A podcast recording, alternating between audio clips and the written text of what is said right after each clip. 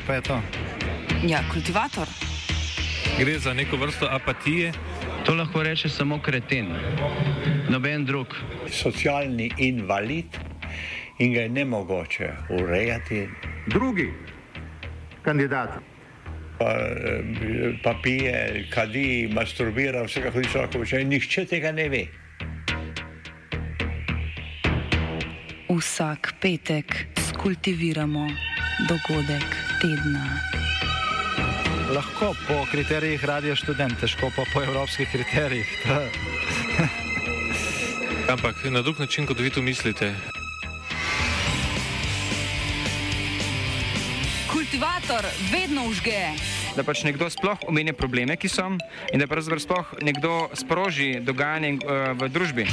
To drži, drži.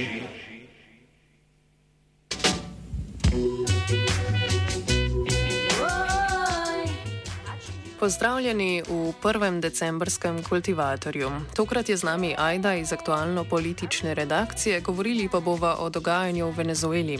Venezuelska vlada je namreč pod vodstvom Nikolasa Madura v Mehiki z opozicijo, ki uživa podporo Združenih držav Amerike, pod posredništvom Norveške podpisala delni dogovor. Namen tega je pa izboljšanje socialnega stanja v državi. Na podlagi dogovora bodo ZDA in njeni zahodni zavezniki Venezueli odmrznili slabe 3 milijarde evrov, ki so trenutno kot del sankcij proti Venezueli zadržani v mednarodnih finančnih sistemih. Z odmrznenimi sredstvi bo upravljal sklad pod kontrolo Združenih narodov, služila pa bodo za humanitarno pomoč državljanom. Tako, eh, načrtovano je, da bodo ta sredstva in pri tem bi rada povdarila, da ta sredstva, o teh sredstvih moramo govoriti kot o venezuelskih, ampak so pač, kot smo že povedali, eh, zamrznjena zaradi sankcij eh, ZDA in pač zahodni zavezniki namreč eh, Venezuelo tretirajo kot avtoritarno državo in so zato proti njej. Eh, uvedli sankcije. Vendem, ta sredstva bi naj bila usmerjena v stabilizacijo električnega omrežja, eh, izbo za, za izboljšanje izobraževalne infrastrukture in pa za pomoč pri blažitev posledic eh, letošnjih eh, poplav. Stanje v državi, ki bi ga naj med drugim naslalo ta tako imenovan socialni dogovor, pojasni Federico Fuentes, novinar in aktivist ter avtor knjige Je soupravljanje revolucije. There's no doubt, particularly in the context of, of the pandemic, and it's affected the whole world, um, but with the, the, sanctions and the decreasing government uh, funds available, that in particular the healthcare system is in a very bad situation. So there's absolutely a need to inject funds, and not just funds, but to be able to access necessary equipment and medicines that have been lacking in, in Venezuela over these past few years. And that's that's something that is deeply felt by by people. But I think another important aspect, which won't necessarily be dealt with with this social agreement, but you know perhaps the social agreement puts forward some kind of steps, you know, forward to to moving towards it, is that the reality is that over these last five years. Um, under the sanctions, uh, but also, you know, it, it can't not be said uh, as a result of deliberate government policies that ordinary working people's wages and salaries have been completely pulverized. Venezuela went from a country that was leading the region uh, in terms of growth in, of real wages and in growth of its minimum wage to become one of the highest in the region. And all of that as a result of the hyperinflation um, generated by the sanctions, a whole complex mix of economic factors has mean Venezuela's plummeted back down to, to the bottom of that list uh, in, in, the region. And so it's almost impossible nowadays for a, an ordinary worker to survive solely on what they earn from their job. Many are forced to either have to get a second job, a third job, forced to rely on remittances from relatives, family members who have left the country in the last few years. We've seen, you know, mass numbers of Venezuelans that, that have left the country and who send send money back. Uh, you've seen the, the rise of, of you know uh, of, of a, a, sort of de facto de, uh, dollarization of the economy, uh, where those who have access to dollars are able to use those dollars uh, to to get through as well. So, so this it's that's that's that's the real sense of you know um, what everyday life is like for for many Venezuelans is having to find that that other uh, that other job, that other channel through which one can get the necessary money um, that's required to to to survive. Now, of course, there are also in this context government programs that have helped alleviate the worst of that. You know, there's there's the, the, the CLAP, the CLAP, uh, food distribution programs. Um, they don't cover all of the food needs, but they cover at least part of it. Um, so having to figure out, you know, uh, having to fill in those, the, you know, trying to f- fill in the gaps that have been created in the social safety net that was very strong actually not that long ago in Venezuela, but today has been undermined because of the result of the sanctions. Ob, tem, uh, ob teh pogajanjih in pa potem tudi doseženem uh, dogovoru, uh, v okviru teh pogajanj je pač glavna poanta v tem, uh, da bi naj.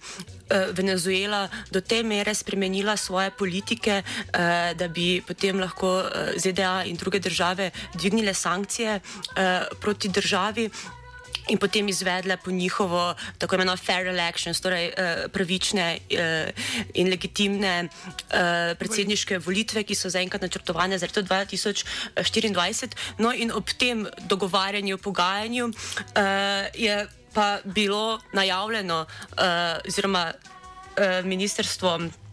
Finančno ministrstvo Združenih držav Amerike je najavilo, da je eh, naftna korporacija, ameriška naftna korporacija Chevron, dobila šest mesecno licenco za omeje, omejeno nadaljevanje črpanja venezuelske nafte, kar od leta 2017 zaradi.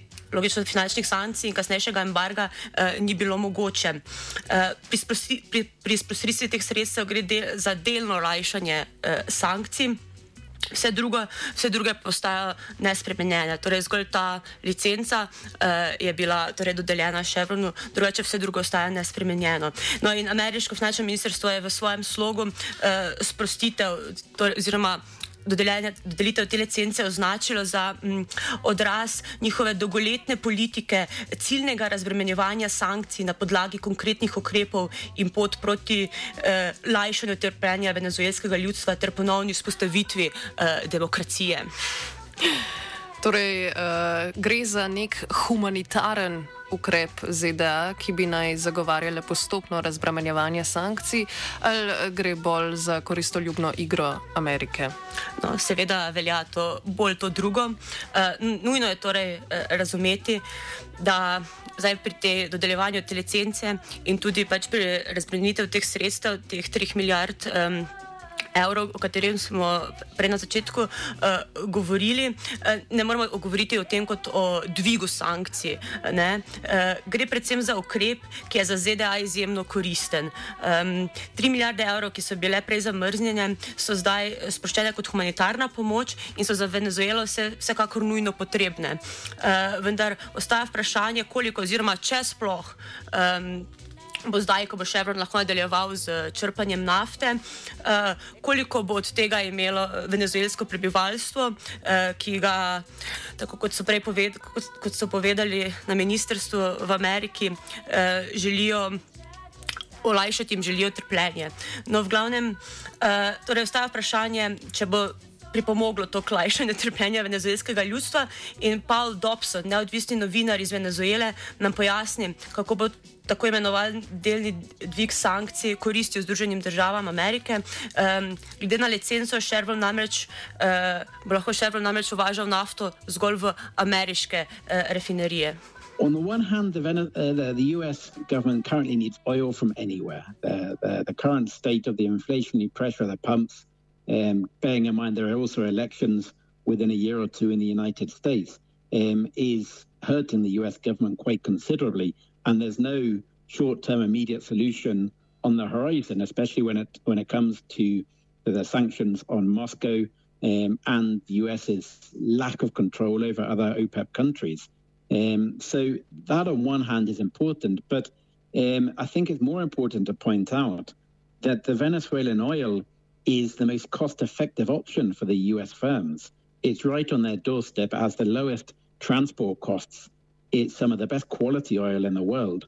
Uh, and when the US firms are faced with um, expensive options of drawing oil or uh, building infrastructure in places like Nigeria or Angola, they would much prefer to take advantage of the oil on their doorstep.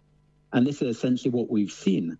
The US firm Chevron was granted a sanctions waiver for six months, which is hugely important for us here in Venezuela. Uh, and this waiver allows them to, for the first time in three years, to expand their operations and start drilling again. So while they've had a waiver for the last three years to do maintenance on their current investments, the new waiver expands this and allows them to start drilling and exploring for oil, but under very strict conditions. Firstly, Chevron will not pay any tax to the Venezuelan government or royalties. So there is essentially no fiscal benefit for Venezuela from this. And secondly, all of the crude which is pumped by Chevron in Venezuela has to go to US refineries. So obviously, this will not alleviate the very severe shortages of fuel, which we are still seeing in Venezuela, or provide any stimulus to the Venezuelan oil industry. So this will essentially only benefit the US uh, oil industry at home in the domestic market and provide some sort of relief to the Biden government when it comes to the pump prices, which are hurting him so much politically at the moment. Uh, we could essentially say this is almost a textbook um, intervention of a multinational capitalist firm um, through imperialist um, dynamics into the Venezuelan domestic market.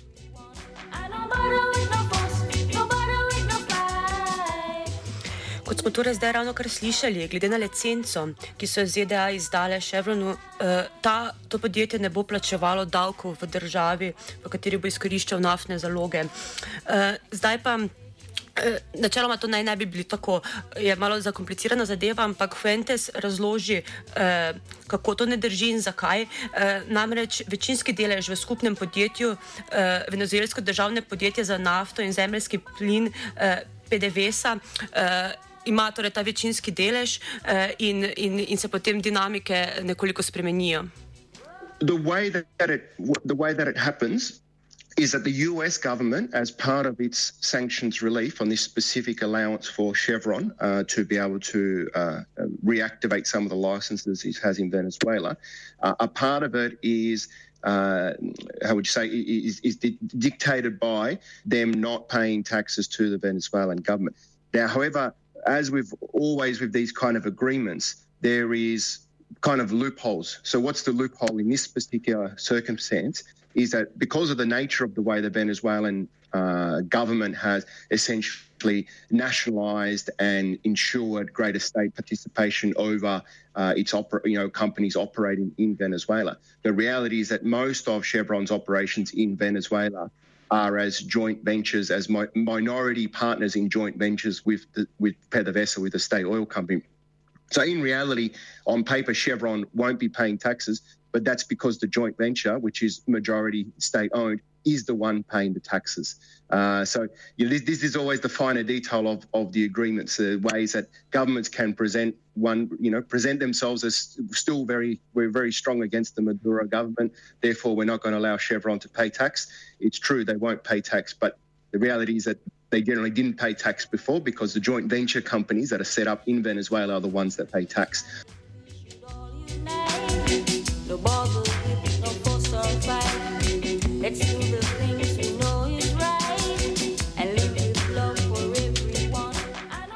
Kako pa je bilo področje delovanja naftnih korporacij urejeno, preden je bila država paralizirana zaradi prej omenjenih sankcij? No, tukaj je pač izjemno pomemben oziroma bistven zakon, tako imenovani zakon o oglikovodikih, ki je bil sprejet uh, leta 2001 v času predsedovanja Hugo Chaveza. Eh, in ta zakon je za transnacionalne eh, korporacije omejil poslovanje v Venezueli, eh, saj jim je zvišal davke iz enega na 33 odstotkov. Hkrati pa mora po tem zakonu PDVSA, torej to državno podjetje, imeti v lasti 51 odstotni delež v skupnih podjetjih. Ta zakon torej ta zakon o oglikovodikih, eh, je Madurova vlada de facto že eh, prekršila, lahko rečemo, s tem, ko je dala nekaterim tujim investitorjem že večinski nadzor v nekaterih eh, podjetjih.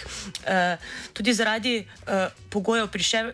Te, te licenci, ki je bila zdaj izdana za podjetje Chevron, pa Dobson meni, da so v prihodnosti možne celo spremembe tega zakona ali pa celo tudi ustave. The, Vene- the 2001 hydrocarbons law in Venezuela was being applied previously, and under this law, any foreign firm working in Venezuela could not hold more than a 49% stake in the mixed uh, industry um, and couldn't um, take executive decision making powers over the destination of the crude which, being, which was being extracted. Uh, and obviously, as part of this, had to pay taxes and royalties and everything else. This essentially meant that the Venezuelan oil firm, which is called PDVSA, which is uh, state owned, uh, oversaw and had control over the oil strategy, the oil extraction, and most importantly, the oil commercialization. So, who to sell their crude to and, and at what price. This has now changed. Now, what we're seeing now is that um, in violation of this law, the companies like Chevron, and there are others uh, as well, which are working here, especially Iranian and Turkish companies, are now being able to take executive decisions over things like the commercialization of Venezuelan oil. Um, and this is a very clear violation of not just this 2001 hydrocarbons law, but also the Venezuelan constitution, which stipulates that the Venezuelan state has executive control over the destiny of the Venezuelan natural resources. This has led to very strong rumors that the government is currently preparing to modify and amend this 2001 hydrocarbons law to basically give the legal, just, legal justification for these sorts of deals, which it essentially needs if it wants to be able to um, move towards sanctions relief. So Chevron, previously to 2019, when the sanctions, and the blockade really started, was pumping around 200,000 barrels per day of, of oil. Uh, but this is at a time whereby the, the net Venezuelan oil industry was pumping something like a million barrels. So we're talking about 20% more or less. Uh, the current state of the Venezuelan oil industry is that they're extracting something like uh, five to 600,000 barrels of oil a day, so significantly down. And just to give you some context, during the Chavez government, the Venezuelan oil industry was pumping over 3 million barrels of oil a day. So the drop from 3 million to around 500,000 at the moment is significant. Um, so this obviously means the reintroduction of Chevron into the Venezuelan oil industry in terms of exploration and extraction um, will uh, increase these figures. But again, I go back to where I started. Where is this oil going and who is reaping the benefits from it? The answer to both of these questions is the US government and the US oil industry, unfortunately.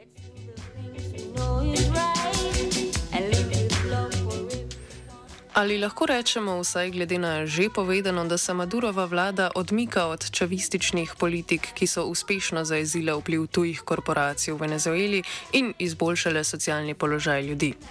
Glede na mnenje eh, mojih sogovorcev danes, eh, da, eh, da je pač premik v desno, oziroma rečemo bolj premik v bolj eh, neoliberalne vode, da ni ta premik opazen zgolj na področju naftnega sektorja, ki je sicer najpomembnejši v državi, uh, vendar tudi v drugih sektorjih.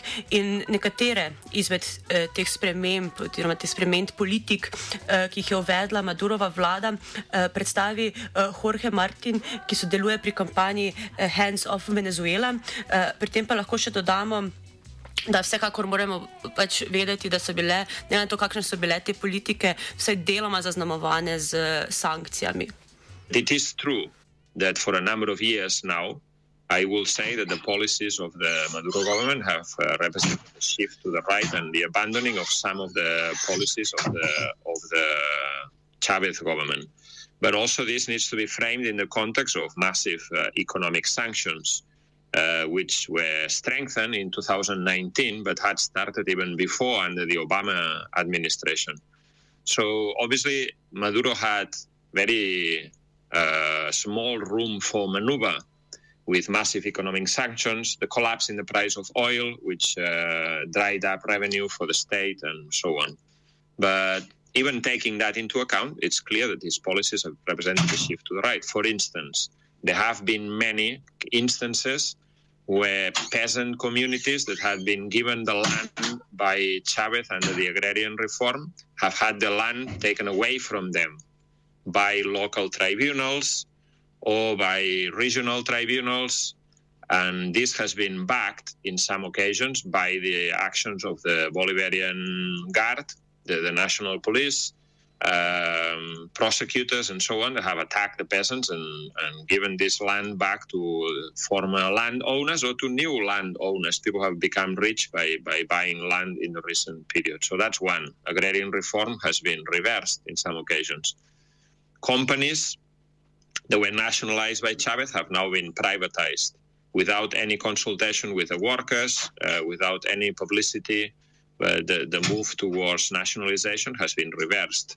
Not in the main key industries, but yes, in quite a lot of other industries that are also important or small businesses and so on. They were nationalized under Chavez. But I would say that perhaps the most damaging policy that uh, Maduro has implemented from the point of view of the working class was the, the big economic package that was introduced in August 2018, which basically uh, destroyed collective bargaining. All collective uh, bargaining contracts were uh, abolished, or they, they were, they the, the law said that they didn't have to be implemented because of the economic emergency in the country, so basically destroyed and uh, the conditions of the workers were equalized downwards. I, the, the, the, workers were receiving bonuses because they had been working for 10, 20, 30 years. These bonuses were destroyed. Conditions that the workers have acquired were also destroyed, and the contracts were equalized downwards to the basic, to the, to the lowest minimum common denominator of the of the conditions. And uh, this was accompanied with a massive, uh, I would say, monetarist economic uh, shock plan. Uh, so, and this did, did, really affect the working class badly. And now we have seen the beginning of some struggles with the working class trying to recover the, the lost ground. Bye. Pa če skočimo nazaj za pogajalsko mizo. Pogovori med venezuelsko vlado in opozicijo so bili v Mehiki načrtovani že septembra lani, vendar se jih vladni delegati protestno niso udeležili. Možnost nadaljnih pogajanj so zavrnili, ker je bil Združene države iz Zelenorskih otokov izročen Alex Sab, kolumbijski poslovnež, ki je bil bližnji sodelavec vlade. Eh, ta Sab je bil na Zelenorskih otokih aretiran junija 2020, v Združenih državah pa mu sodijo zaradi zaradi pranja denarja in korupcije. Tako, torej, to je bil ta uradni razlog, zakaj so takrat se prekinila pogajanja, torej zakaj eh, predstavniki venezuelske vlade niso želeli več sodelovati v pogovorjih z venezuelsko opozicijo. Eh, zdaj pa Dobson, eh, naš sogovornik, pojasni, kateri so še drugi dejavniki eh, poleg teh, eh, tega uradnega, eh, zakaj takratni pogovori niso uspeli. Officially, the government left the, the dialogue table because of the arrest of one of the high level pro government businessmen, Alex Saab, uh, while on a, a, trip to the Middle East. Uh, however, I think um, beyond the public um, spin on these things, we really have to look at what the government were achieving at these talks in, in Mexico. The talks were essentially stalled, and they were stalled because the White House were not willing to cede any ground.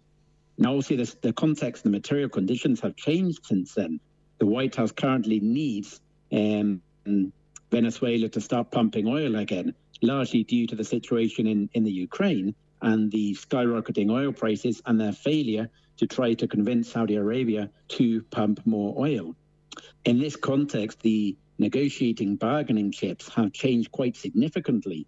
And this, to some extent, has led to, I think, one of the most important elements beyond the, the $3 billion of, of humanitarian relief which Venezuela will get. And this is the six months um, exploration contract, which has been granted to the oil firm Chevron uh, the day after this, uh, these talks were announced last week.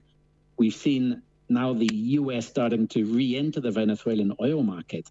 And this is no coincidence. This was very clearly part of the recent talks. Uh, and this will very clearly benefit the US government and their current uh, fiscal squeezes and inflationary pressure at the pumps. So I think this is really where where we have to look to when we look at the, the failure of the talks last year and their success this year. The US government has now got greater coincidence with the Maduro government in terms of its interests, where it didn't have before.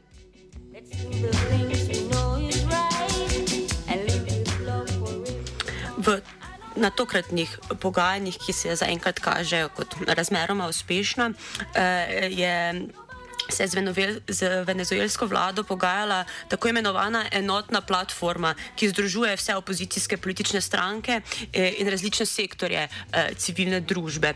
Zdaj, pri, ko govorimo o opoziciji, seveda govorimo predvsem o tej eh, desni neoliberalni opoziciji, ki bi se naj glede na eh, besede, besede naših sogovornikov razdelila v, v dva bloka. Sekcija uh, Juana Guadoja, torej eh, tipa, ki se je v sklopu protivladnih protestov leta 2019 sam razglasil za predsednika države, uh, je naj ne bi bila prisotna na teh, uh, na teh uh, pogajanjih, uh, drugače pa je naj bi Guado uh, izgubil vsakršno vredostojnost tudi v tujini. Doma je v Venezueli nikoli ni imel pretirano, pretirano veliko, ampak zdaj bi pa naj v tej tako imenovani enotni platformi igral razmeroma sekundarno in nepomembno vlogo. Yes, uh, the Venezuelan government have been um, hugely successful in dividing the Venezuelan opposition. Uh, the opposition are now largely divided into two blocks. There's a block which continues to have US backing um, and looks to overthrow the government. And there's another block which is willing to work alongside the government to sit down at the talks uh, and come to some agreements with them. And this is the section which was president, present in the talks in Mexico. The Guaido section, the more radical section, we could say, was not present, but seems to have, um, to some extent, a green light to these agreements because this is a section, the Guaido group is a group which has a sway in Washington, which very clearly had to give its consent for any of these deals to go through. So, what we have seen is um, very much a, a closing in the gap between the current government and the opposition. The Nicolas Maduro government at the moment is very willing to sit down with the opposition uh, almost on a weekly basis. We see some high-level government operatives or officials holding talks with other uh, government mem- with opposition members, sorry, either within the country or abroad. Uh, we're seeing the government sitting down with a large chamber of commerce and business called Fedecámaras here. We're seeing the government uh, negotiating with different branches of the opposition and the right-wing sectors, um, obviously looking to find some consensus and, and break the crisis here in the country.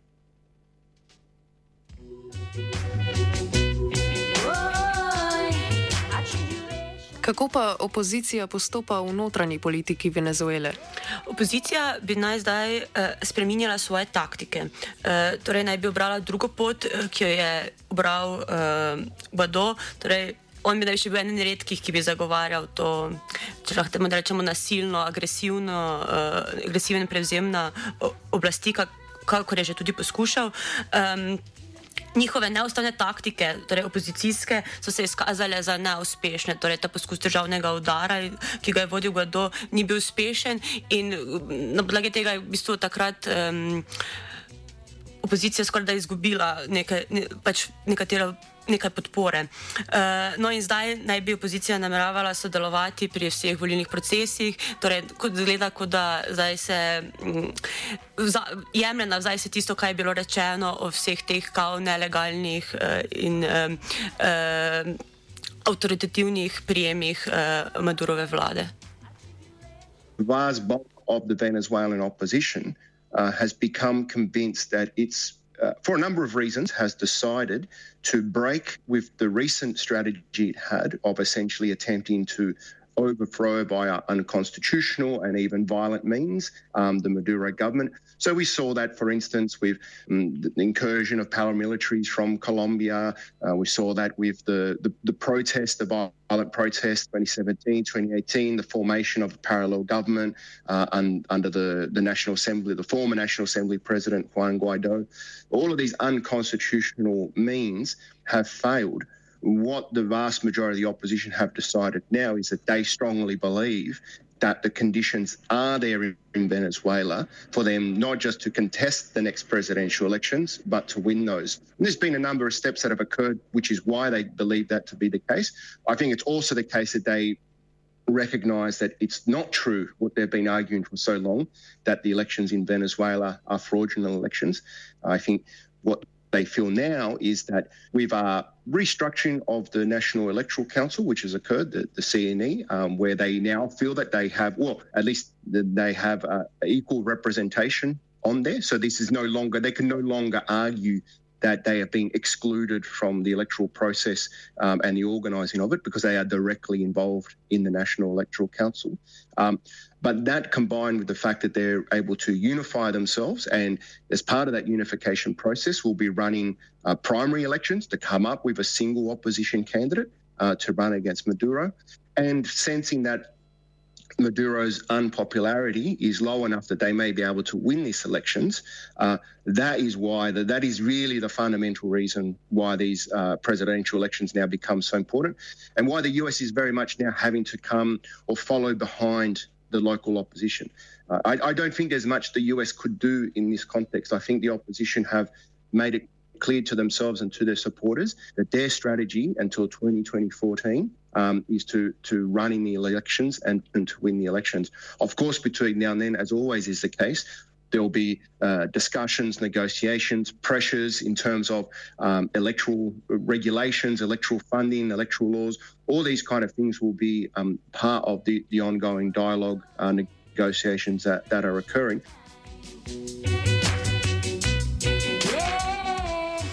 Torej, če zdaj zaključimo vse povedano, uh, Začnemo na, lahko z izdano licenco eh, temu ameriškemu podjetju Chevron. Eh, in ta izdana licenca bi lahko pomenila, da se bo počasi začele spuščati tudi druge sankcije proti Venezueli. Vendar glede tega si analitiki niso, eh, niso enotni, predvsem zato, ker gre pri tej dotični licenci predvsem za interese ZDA in potem je težko predvidevati, če bi njihovi interesi dovoljevali nadaljno sproščanje sankcij.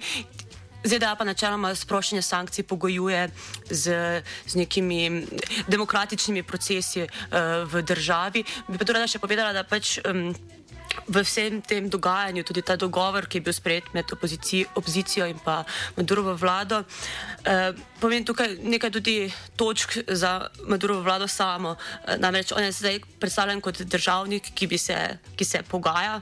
No, tako so nam nam je bilo tudi rečeno. E, tako da ja, e, tudi Evropska unija je napovedala, da je pripravljena ponovno oceniti ukrepe proti Venezueli in njenemu gospodarstvu, e, vendar bi vsak korak v tej smeri k popuščanju sankcij vsekakor prišel za zahtevami za venezuelske oblasti. Mm.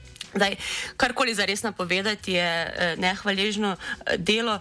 Dogovor, ta humanitarni dogovor in izdana licenca, o katerem smo danes govorili, so deloma, oziroma predvsem izdana licenca vsekakor posledica vojne v Ukrajini in z njo povezane energetske krize. Tako da pač je težko vedeti, um, kako bo, bo, kaj se bo dogajalo v prihodnosti, ker pač je veliko dejavnikov igra tukaj uh, pomembno igro.